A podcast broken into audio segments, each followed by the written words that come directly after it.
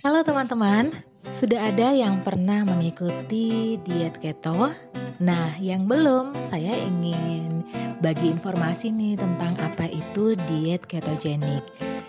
Jadi diet ketogenik adalah pola makan yang prinsipnya itu tinggi lemak, rendah protein, dan minim bahkan zero karbohidrat.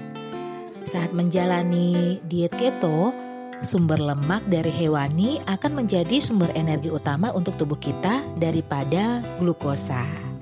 Nah, persentase asupannya itu 80% lemak, 15% protein dan 5% karbohidrat. Oh ya, sadar nggak di dunia modern saat ini kalau kita mau mengakses aneka jenis makanan dan minuman itu gampang banget. Hanya pakai jari cin, nunggu di rumah, datang deh makanannya.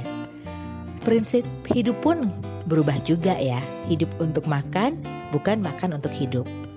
Berbeda nih di zaman nenek moyang kita dulu, di mana makanan itu dicari dengan cara berburu dan mencari pakai aktivitas fisik yang luar biasa untuk dapat bertahan hidup.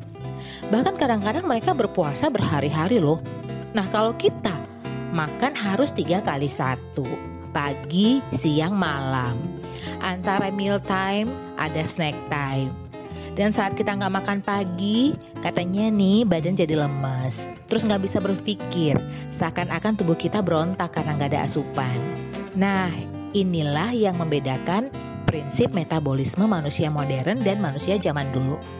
Oke, kita lihat dulu ya metabolisme apa yang membedakan manusia modern dan manusia zaman dulu. Kalau zaman sekarang, asupan mayoritas kita didominasi karbohidrat dan tinggi gula.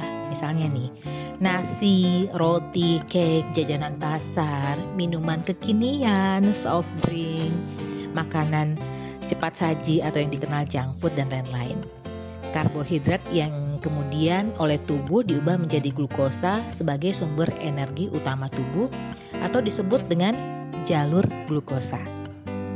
Sementara zaman dulu, asupan mayoritas didominasi lemak dan protein loh dari hasil buruan dan bertanam. Contohnya nih, rusa, ikan paus, salmon, kelinci, dan sumber hewani lainnya. So, lemak yang diubah tubuh menjadi keton akan menjadi sumber energi utama tubuh yang disebut jalur lemak. Oke, itu dia penjelasan singkat tentang diet ketogenik. Nanti kita ketemu lagi di podcast berikutnya tentang glukosa versus keton. Sampai jumpa, bye-bye.